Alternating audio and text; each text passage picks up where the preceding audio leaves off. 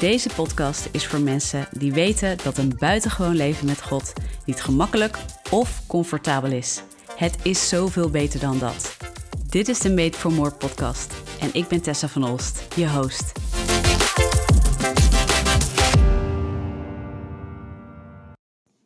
Hi, ik ben Tessa, je host. En vandaag wil ik het weer hebben met je over veranderen. In de vorige podcast had ik het uh, over drie tips en drie uh, ladders, uh, of treden moet ik zeggen, uit het boek van Ben Tichelaar, De Ladder. Waar hij het heeft over hoe je effectief en efficiënt tot veranderen komt in je leven.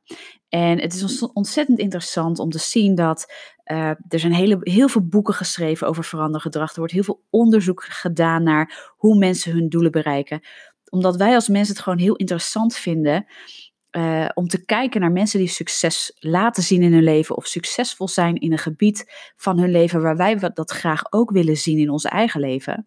Dat we ook gaan observeren en bekijken van wat doet die persoon nou om die doelen te behalen? Wat is er nou voor nodig aan ingrediënten om die doelen te behalen?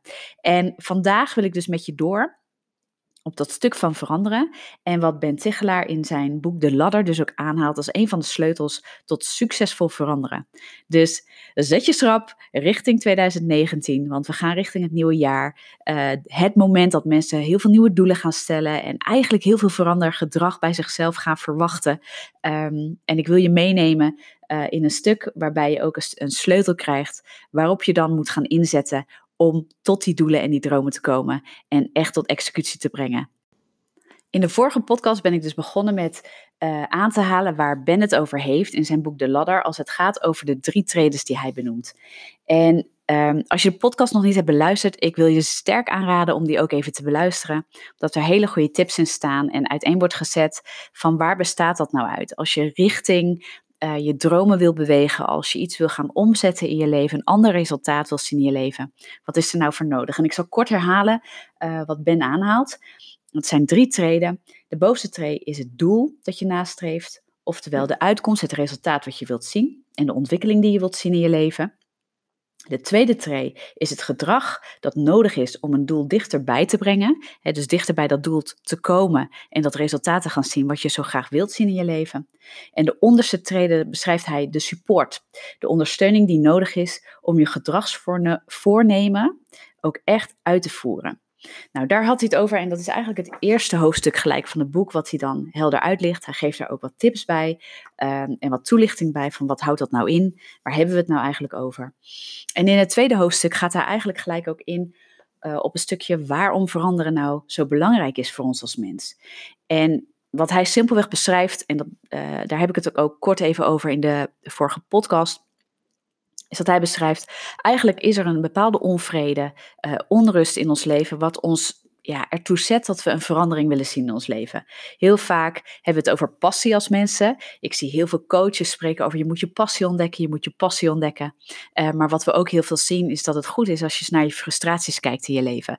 Want daar zit eigenlijk vaak een drijfveer om te willen gaan veranderen. Als je je zo vaak frustreert aan iets, dan is het heel goed om te gaan ontdekken, wat is dat nou? Waar heb ik nou zo'n last van en wat kan ik daarmee? Hoe kan ik iets waar ik me nu aan frustreer, mogelijk negatief is, tot iets positiefs keren in mijn leven en echt gaan ervaren uh, dat ik daar een ander resultaat in kan boeken? Dus dat is, dat is een van de dingen wat ons drijft. Dus passie kan zeker onze drijfveer zijn, maar heel vaak en voor veel meer van de, van de dingen waar we verandering in willen zien, is dat eigenlijk frustratie. Iets waar we tegenaan lopen, vastlopen, continu overspoeld zijn over iets. Uh, het idee hebben dat we geen controle hebben, uh, dat soort zaken. Dus heel interessant om daar voor jezelf naar te kijken.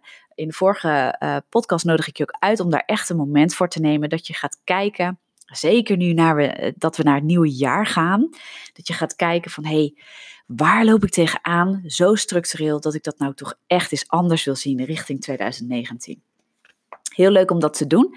Je maakt je daar zelf uh, bewust van op zo'n moment. En als je bewust wordt van iets, kun je er ook stappen in gaan nemen. Nou, en dan heeft Ben Tichelaar dus over: ga je doel stellen, ga beschrijven wat het gedrag is dat je wilt zien en ga nadenken over een supportsysteem. Maar heel interessant, Um, en wat echt een sleutel is in dit hele verhaal, denk ik. Ik heb natuurlijk al veel meer uh, boeken gelezen over veranderen, uh, over doelen stellen. Ik ben zelf heel veel met visie bezig. Ik ben natuurlijk ook programma's aan het schrijven en maken voor mensen om vanuit visie te leven. Om, uh, momenteel heb ik een jaarprogramma ontwikkeld waarin mensen een jaar lang in zowel een online als offline omgeving worden meegenomen. Omdat ik echt de kracht van omgeving ook absoluut zie. En daar heeft Ben Tichelaert uh, toevallig ook weer over, daar komen we zo op. Uh, de kracht van omgeving in ons leven is enorm. Zeker als we willen gaan kijken naar verandergedrag en andere resultaten die we willen bereiken. Um, dus ik heb ook echt een jaarprogramma ontwikkeld waarin ik denk van hoe kan ik nou mensen uh, een bepaalde support geven dus allereerst de bewustwording en misschien hoe je doelen stelt en hoe je met visie aan de gang kan. Maar hoe kan ik ze dan een supportsysteem geven waarin ze ook uh, ja, eigenlijk van buitenaf voelen van hé, hey, ik word continu gestimuleerd, ik word continu aan de hand genomen. Ik ben in een omgeving waar ik makkelijker uh, mijn, mijn nieuwe gedrag kan gaan vasthouden. Want dat is het. En um, nou ja, en hij schrijft daar dus ook over. En wat ik heel uh, treffend vind, hij zegt op een gegeven moment als je kijkt naar de gedragswetenschappen, als je kijkt naar wat we onderzocht hebben, wat is dan de bottleneck, wat is dan die zwakke schakel waarom wij mensen nou heel vaak onze doelen niet kunnen behalen? Waarom we, misschien heb je dat nu ook wel, je kijkt uh, misschien wel terug naar dit afgelopen jaar. Uh, je hebt misschien hele mooie doelen gesteld. Daar heb je misschien doelen van behaald. Dat hoop ik ook, dat je daar lekker een succeservaring hebt mogen ervaren. Maar er zijn misschien ook doelen of dromen in je leven die je echt nog niet tot uiting hebt zien komen. En je weet en je voelt dat het ook met jezelf te maken heeft. Dat je sommige dingen nou eenmaal niet hebt doorgevoerd. Uh, dat je niet hebt vastgehouden. Dat je niet hebt doorgezet. En dat kan ook een gevoel van teleurstelling bij je geven. En um, de kunst is om door die teleurstelling heen opnieuw te gaan kiezen voor um, joh, dit is toch zo belangrijk in mijn leven. Dus, dus ga ook kijken naar die doelen en dromen. En wat is echt belangrijk in je leven? Wat heeft een urgentie of, of een, echt een hartsverlangen in, je, in, je, in jezelf? Dat je daarnaar gaat kijken en dat je ook gaat kijken van wat ben ik bereid om daarvoor op te geven misschien wel. Wat ben ik ook bereid om daar echt voor te gaan doen? Ik denk dat dat een van de dingen is die ontzettend goed is om daarnaar te kijken. En, um, en vervolgens uh, schrijft Ben Tichelaar dus ook, en dat komt dus ook uit heel veel onderzoek naar voren. Vervolgens is het de gedragsverandering zelf die de bottleneck is en de zwakke schakel in de keten richting het behalen van onze doelen. En daar wil ik dus deze podcast ook nog verder met je op in. Nou, waar ik het eerst dus met je over wil hebben, is toch weer over die kracht van de omgeving. Want wat is dat nou? Er wordt heel veel gepredikt, wil ik bijna zeggen, dat alles een keuze is en dat alles bijna maakbaar is als je er maar voor kiest en er maar voor gaat. Maar het blijkt toch echt uit onderzoek dat omgeving, dus de, de plekken waar we zijn, de mensen waar we mee omgaan, de dingen die we horen, de dingen die we om ons heen zien, onze opvoeding, nou je kan zoveel dingen tot die omgeving rekenen de woorden van mensen, de, de, de ideeën van onze eigen gedachten die ook ergens vandaan komen, de overtuigingen die we daardoor ook hebben opgebouwd. Die kracht is zo groot um, dat het een enorme invloed heeft, elke dag weer, op wat we doen. En um, uit onderzoek blijkt eigenlijk ook wel, dus wat Ben in ieder geval opschrijft in zijn boek De Ladder, is uh, dat we wel kunnen veranderen. Sterker nog, dat heel veel veranderingen eigenlijk gewoon vanzelf gaan, maar vooral als onze directe omgeving verandert. Het blijkt zo te zijn dat als onze directe omgeving verandert, we dan passen we ons denken en ons handelen meestal automatisch aan. En hij noemt dan heel simpel een voorbeeld van, van zichzelf. Dat, dat hij is verhuisd, als ik het goed begrijp, uit het boek zo van Oost-Groningen naar Amsterdam. En um, ja, hij zegt ook, dan, dan gaan er eigenlijk heel veel dingen heel simpel, heel snel, heel anders. Dingen die je aanpast in je taalgebruik, je fietsgedrag. Um, dat is wat hij noemt, bepaalde gewoontes, zoals het groeten van iedereen die je tegenkomt op straat. Wat je misschien in de ene plaats helemaal niet zo gewend bent om te doen. Uh, en ook geen gewoonte is of niet in de cultuur hoort van een bepaalde plaats. Uh, en dan hebben we het alleen nog maar over het verschil tussen Oost-Groningen en Amsterdam.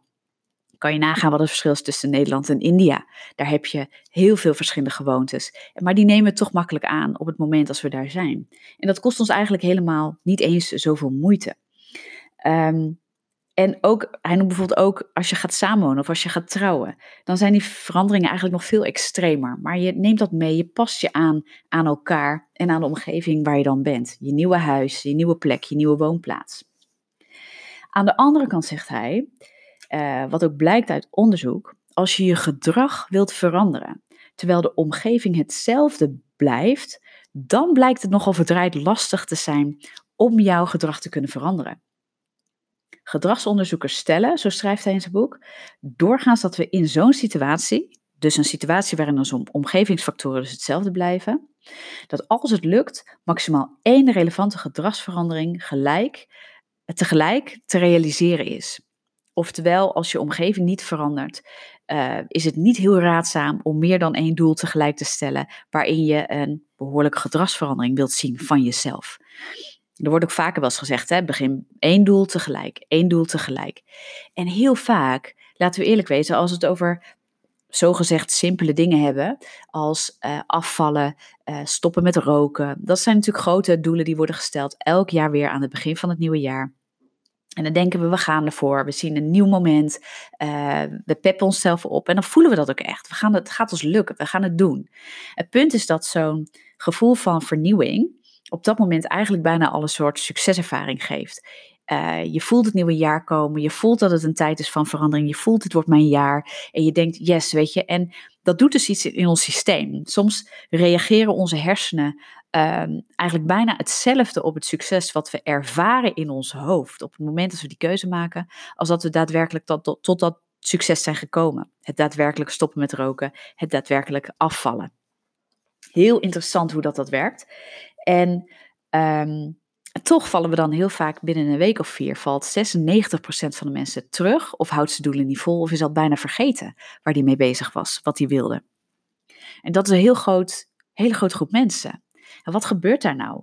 En, um, en hoe kan dat nou? Dat heeft grotendeels, denk ik, te maken met onze omgevingsfactoren.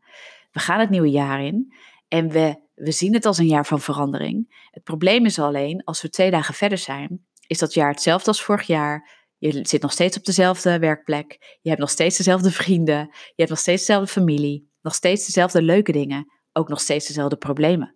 En daar loop je eigenlijk binnen twee dagen het nieuwe jaar gelijk tegenaan. Je wordt geconfronteerd. Misschien dat je wat langer vakantie hebt, het gevoel van vernieuwing vast kan houden, maar daarna komt die, slaat hij in als een bom. Dat is dus wat omgeving met ons doet. En dat is denk ik uh, binnen de sleutel tot, tot succesvol veranderen, waar we het echt over uh, verander gedrag hebben, het gedrag. Denk een goed inzicht om te hebben, dat je dat beseft. Je gaat straks het nieuwe jaar in. Je hebt misschien fantastische doelen gesteld, maar weet, in eerste instantie verandert die omgeving niet. En het is heel goed om je daar bewust van te zijn. Maar als gedrag nou zo belangrijk is, als dat nou de zwakke schakel blijkt te zijn, waardoor we vaak niet succesvol tot die verandering komen, niet succesvol uiteindelijk onze doelen en dromen behalen, dan is het wel heel relevant om eens te kijken naar wat is dat gedrag nou, waar hebben we het nou daadwerkelijk over? Even los van die factor en die kracht van de omgeving die daar dus een hele grote rol in speelt, uh, op, op het uitvoeren van ons gedrag, op het brengen van dat verandergedrag in ons leven. Nou, Ben Tichelaar die beschrijft um, in zijn boek, een, een, hij heeft een eigen definitie uh, van gedrag. En de algemene, de meest gangbare definitie, die zal ik eerst met je doornemen, uh, over gedrag, is het volgende. Gedrag is alle acties en reacties van een persoon in relatie tot zijn omgeving. Ik zal hem nog een keer herhalen. Gedrag is alle acties en reacties van een persoon in relatie tot zijn omgeving. Je ziet hier dus ook al um, dat die omgeving wordt meegenomen eigenlijk. Hè? Um, ook niet zichtbaar gedrag kan daaronder vallen, zoals je denken en je voelen. Dat, dat zien we dan blijkbaar ook als een niet zichtbaar gedrag. Hè? Daar gebeurt namelijk ook echt iets in je hoofd en in je, in je hele zijn. Um, maar in dit boek, zegt Ben Tichelaar, dus in de ladder, uh, kijkt hij in het eerste plaats naar het zichtbare, waarneembare gedrag.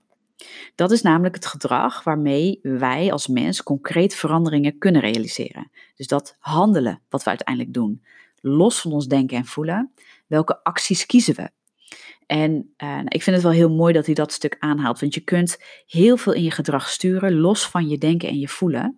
Maar wat daarvoor nodig is, ten diepste, is hoe je naar de dingen kijkt. En dan komt het ook heel erg aan op overtuiging. Ik heb dat al vaker ook in mijn podcast aangehaald.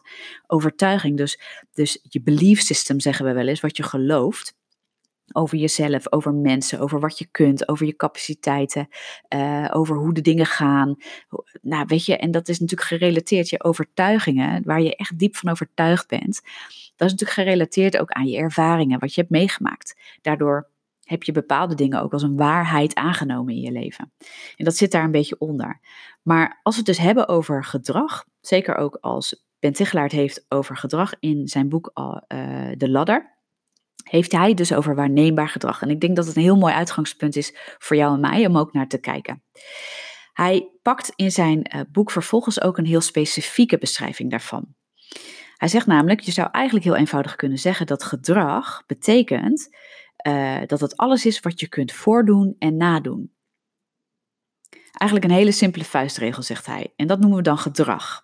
Dus alles wat ik kan voordoen en nadoen. Van iemand anders en van mezelf, als ik het dus presenteer uh, naar buiten toe.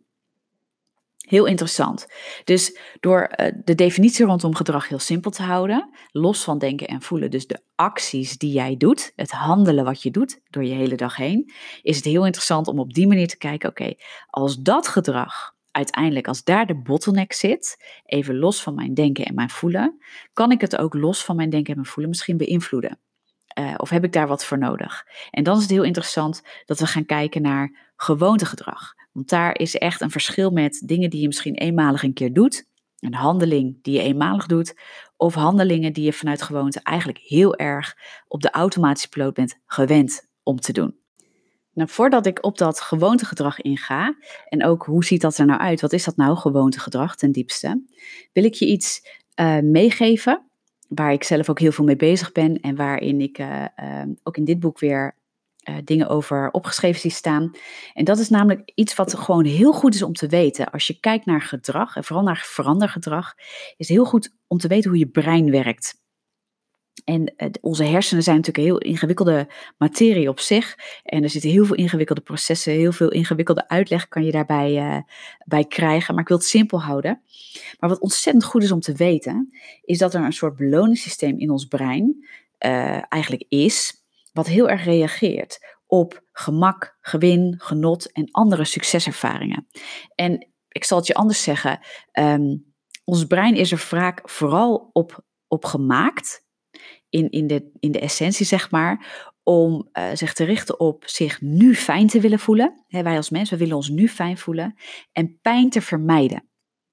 We houden niet van lijden, we houden niet van moeilijke omstandigheden, we houden niet van die pijn, van moeilijke dingen. Dat geeft ons een bepaalde vorm van pijn, afweer, uh, wat je wil vermijden. En uh, door dat te weten, gewoon puur te weten en daar rekening mee te houden als je dingen gaat veranderen, um, kan je enorm helpen omdat als je een doel wil behalen en je kunt beschrijven wat je uh, aan verandergedrag daarbij nodig hebt om, om dat doel te gaan kunnen behalen, kun je ook in schatten van hey, um, mijn oude gewoonte of mijn oude gedrag zorgt ervoor dat ik me altijd op korte termijn fijn voel, want dan doe ik dit of dat. Simpel voorbeeld, uh, als ik me vandaag vervelend voel en een beetje verdrietig en ik ben gewend om altijd dan een stuk chocola te pakken, dan is dat omdat dat nu mijn hersenen bevredigt, mijn gevoel bevredigt, dat ondanks dat ik me heel zielig voel, dat ik dan nu me toch ook weer heel fijn kan voelen door mijn stukje chocola. Het nadeel daarvan is, en wees je daar bewust van als je zo meteen gaat nadenken over gewoontegedrag, uh, is dat ik op de lange termijn mijn doel ondermijn. Namelijk als mijn onderliggende doel is dat ik zou willen afvallen, of omdat ik gewoon minder suikers wil eten, omdat ik dan een betere energie heb, ik zeg maar wat, zijn maar voorbeelden. Uh, dan ondermijn ik dat continu als ik dan toch weer dat stuk chocola pak om me nu even fijn te voelen, maar op de lange termijn eigenlijk uh, een, een lange termijn vorm van pijn in de hand te blijven werken. Namelijk het maar niet komen tot mijn doel. Het maar niet komen tot uh, die verander, dat verandergedrag, die nieuwe gewoonte, waar ik eigenlijk zo naar, naar verlang eigenlijk in mijn leven. Dus uh, ons brein heeft nog wel de neiging, het, zoals ik vind dat heel leuk hoe de Bijbel dat vaak noemt, ons vlees, ons vleeselijk denken. Uh, en in de wetenschap wordt dat heel vaak het reptiele brein of het zoogdierbrein genoemd. Het is heel erg gericht op ik wil me nu fijn voelen en ik wil pijn vermijden op de korte termijn, in het nu. Het uh, gevaar daarvan is dus dat je op de lange termijn gaat ondermijnen wat je daadwerkelijk wil bereiken. Het is gewoon een inzicht wat supergoed is om te weten, wat supergoed is om te bedenken als je met verandergedrag, dus met je dromen en doelen voor 2019 in dit geval ook, aan de gang gaat. Dus kijk wat je, wat je in de korte termijn altijd doet om een soort korte termijn plezier of, of ja, genot te ervaren, wat eigenlijk jouw langetermijn uh, geluk, want dan hebben we het echt over geluk, hè, of, of nou in ieder geval dat je zingeving ervaart in bepaalde aspecten van je leven. Dat je denkt, hé, hey, weet je, ik kan dit, ik doe dit, ik draag wat bij, ik behaal mijn doelen, uh, ik, ben, ik ben mijn eigen geluk in de hand aan het werken op de lange termijn. Ja, dat ondermijnt dat dus echt. Dus wees daar bewust van.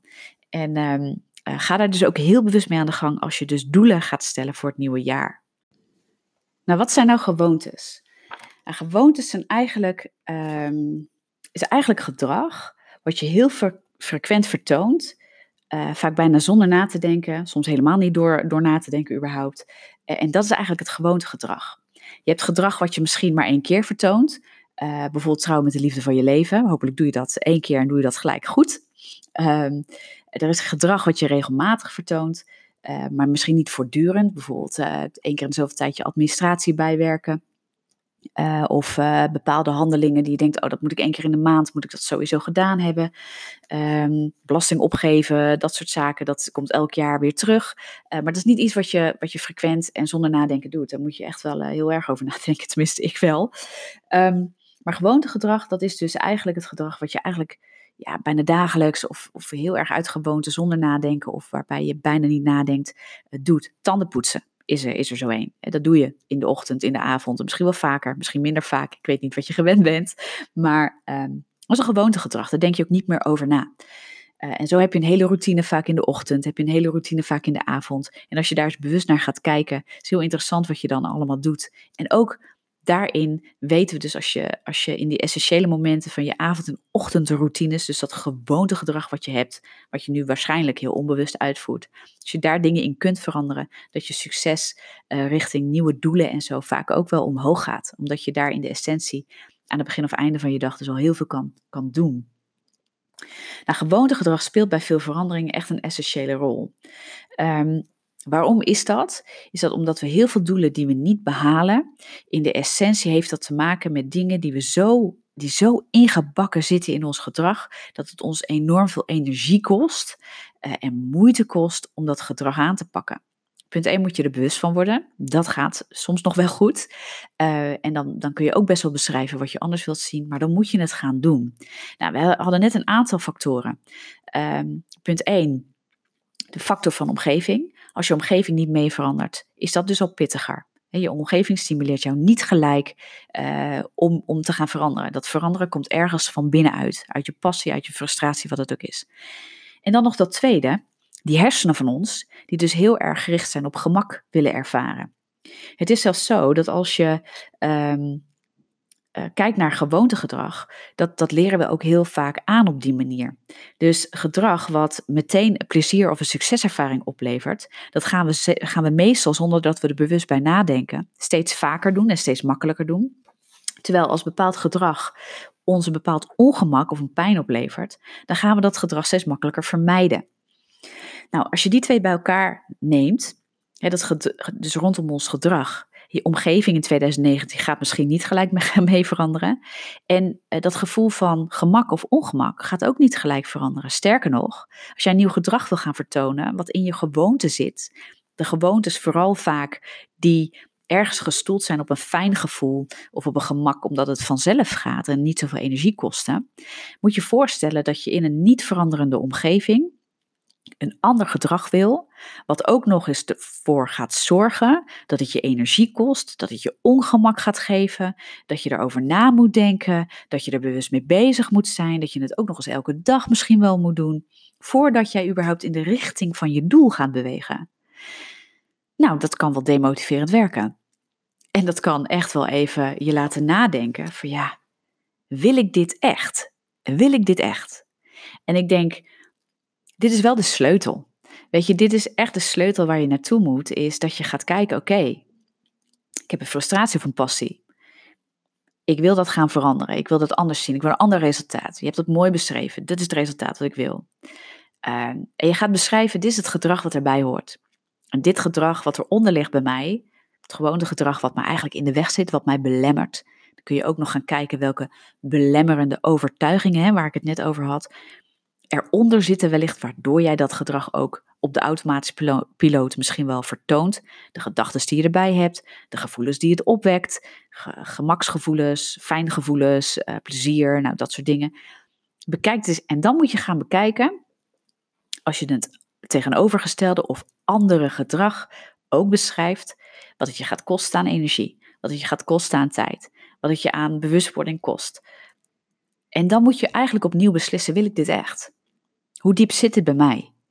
En ik geloof dat daar de sleutel tot succesvol veranderen zit.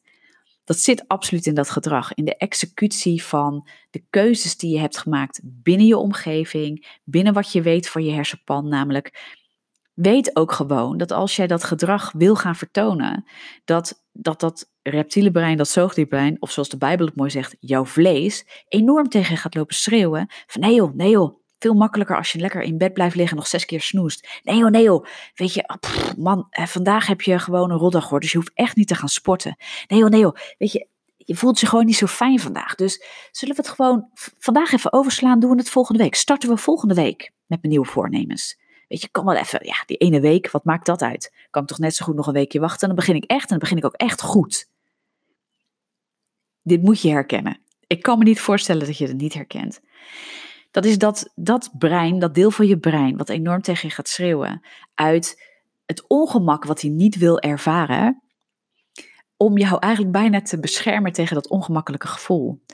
Maar door te weten dat je brein zo werkt, dat je vlees, je, je, je reptiele brein, je zoogdierbrein, dat het zo werkt, kun je uh, vooraf uh, jezelf ook daar ruimte in geven. Door te zeggen: Ik weet dat dit gaat gebeuren. Ik weet dat die obstakels gaan in mijn hoofd en die gaan heel hard tegen me lopen schreeuwen. Maar ondanks dat, ondanks dat gevoel, ondanks die gedachten, ga ik doen en kiezen elke dag opnieuw om te doen wat ik moet doen om daar te komen. En dan kom ik ook terug op een stukje wat ik in de vorige podcast heb aangegeven. Begin in kleine stappen. Want doordat je in kleine stappen begint, krijg je eerder een succeservaring, een nieuw, vernieuwde succeservaring in de richting van waar je ook graag dat succes wil ervaren, namelijk in de richting van je doel. Yes, ik heb gesport. Yes, ik heb twee keer minder gesnoest. Yes, ik ben vijf minuten eerder uit mijn bed gekomen. Yes, ik heb geen chocola gekocht. Yes, ik, nou, vul hem in.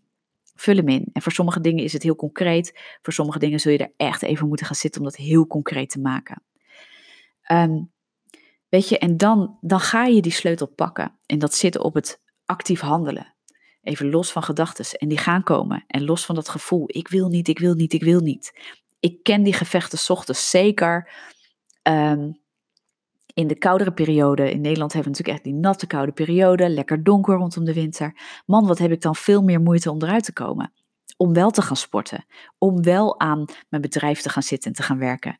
Om wel op tijd al die prioriteiten eh, door mijn dag heen te werken, zodat ik weet dat ik ruimte en tijd heb nog voor andere dingen die ik ook op mijn lijstje heb staan, waar ik van geniet, waar ik ook ruimte voor wil creëren. Um, dat is dan moeilijker, maar weet dat en vecht het goede gevecht, zeg ik altijd. Vecht het goede gevecht. Dus de sleutel tot succesvol veranderen zit in de executie van, uh, van je keuzes, van wat je wil gaan bereiken in dat gedrag, in dat actuele uh, daadwerkelijke, actieve, zichtbare gedrag. En dat vind ik zo mooi. Weet je, dat dat uh, heeft dus heel vaak te maken op dit niveau met gewoontes die we moeten veranderen. En wetenschap toont gewoon aan, dat is gewoon echt lastiger. Weet dat ook. Dus ga je jezelf ook een supportsysteem gunnen, waarin je dus kleine stappen maakt, waarin je kijkt of je je omgeving zo kan inrichten dat het jou helpt en stimuleert, waarin je misschien wel de gesprekken durft aan te gaan met mensen, zodat ze jou kunnen meehelpen je te stimuleren, te helpen. Een goede vriendin van mij. Um, ik heb haar, eh, met dit jaar ben ik steeds meer met haar opgetrokken en, en is er een vriendschap ontstaan. Uh, en heel leuk, want ik, ga volgend jaar ook met haar, uh, ga ik ook nog een andere podcast opzetten met haar samen. Laura heet ze en um, ja, ik vind haar een fantastisch mens. En zij um, had laatst een aantal doelen wat zij graag wil zien in haar leven. Voor 2019 had ze op, op een van haar social media kanalen had ze gezet. En het heeft ze eigenlijk eronder gezet van, weet je, het zou heel gaaf zijn als jullie mij, hè, dus degene die haar ook volgen en die haar posts lezen, als jullie mij heel regelmatig reminden aan mijn eigen gestelde doelen. Zij kiest er op dat moment voor, vond het echt super gaaf, uh, om een supportsysteem via social media in te richten Waarbij als er maar één of twee mensen zijn die regelmatig vragen: Hey Laura, hoe is het met je doelen? Hoe staat het daarmee? Uh, dan word je geremind om daarmee bezig te zijn. En hoe gaaf is dat? Dus ik vond het een super mooi voorbeeld. En misschien kan jij op die manier ook eens naar je omgeving kijken, naar de mensen om je heen. Of naar, naar middelen om je heen. Om jezelf te gaan stimuleren dat verandergedrag. Wat dus ten diepste heel vaak in onze gewoontes zit. En ons dus echt wel veel meer ongemak gaat kosten. Uh, om daar dus een supportsysteem voor te ontwikkelen.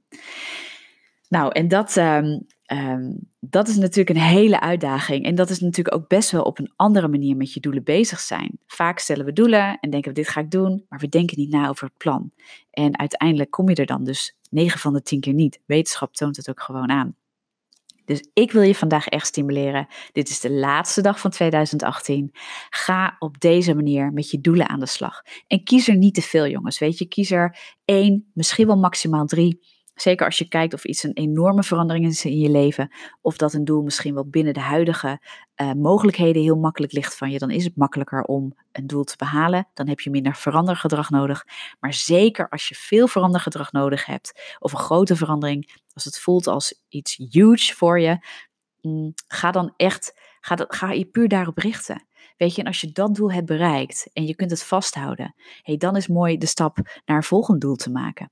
Dus als je heel veel doelen hebt en je ziet ook dat doelen misschien elkaar wel kunnen opvolgen, kies een sleuteldoel. Kies een doel waarbij je denkt, hey, als ik dat voor elkaar krijg, in de komende eerste drie maanden van mijn leven bijvoorbeeld, dan heb ik eigenlijk al een platform gecreëerd waardoor het veel makkelijker wordt om ook die andere doelen uh, in beweging te gaan krijgen in mijn eigen leven. Met het ene doel zou je een supportsysteem voor je andere doelen kunnen gaan ontwikkelen. Hoe gaaf is dat? Nou, weet je, en daar wil ik mee afsluiten. Ik ga je een fantastisch uiteinde wensen. En nog een, nog een veel mooier en fantastischer jaar eh, 2019. Waarin ik hoop dat je heel effectief je doelen mag behalen. Maar dat je naast het bezig zijn met doelen ook geniet van de mensen om je heen. Geniet van de verbinding die je hebt met mensen. Investeer daarin. Investeer in jezelf. Maar investeer ook echt in de liefdevolle relaties die je hebt. Uh, kijk daarnaar. Wees daarmee bezig. Geef daar aandacht aan. En dan hoop ik dat je mag groeien. En dat de liefde mag groeien in je leven. En dat je ontzettend veel gaaf gave, dingen gaat meemaken in 2019. Heel veel goed en ik hoop dat je, een, ehm, eh, dat je heel veel erg hebt genoten van deze podcast. Ik ga uh, je hopelijk ook weer zien, wou ik zeggen, maar jij gaat me hopelijk weer horen in 2019. Als het aan mij ligt wel, want deze podcast ga ik regelmatig ga ik daar nieuwe um, episodes in plaatsen. En ik hoop dat het je zo triggert dat je uh, je abonneert. Hij staat, als het goed is, in 2019 ook op iTunes, onder andere op Spotify. En er zijn nog meer kanalen waar je het op kan beluisteren. Ook via mijn website tessavanolst.com kun je gewoon naar de podcast toe en dan kun je het op de website beluisteren. Dus ik hoop je daar zeker weer te zien. Verbind je, abonneer je en ehm, ja, weet je, enjoy to the fullest en ga heerlijk dat nieuwe jaar in. Ik spreek je snel.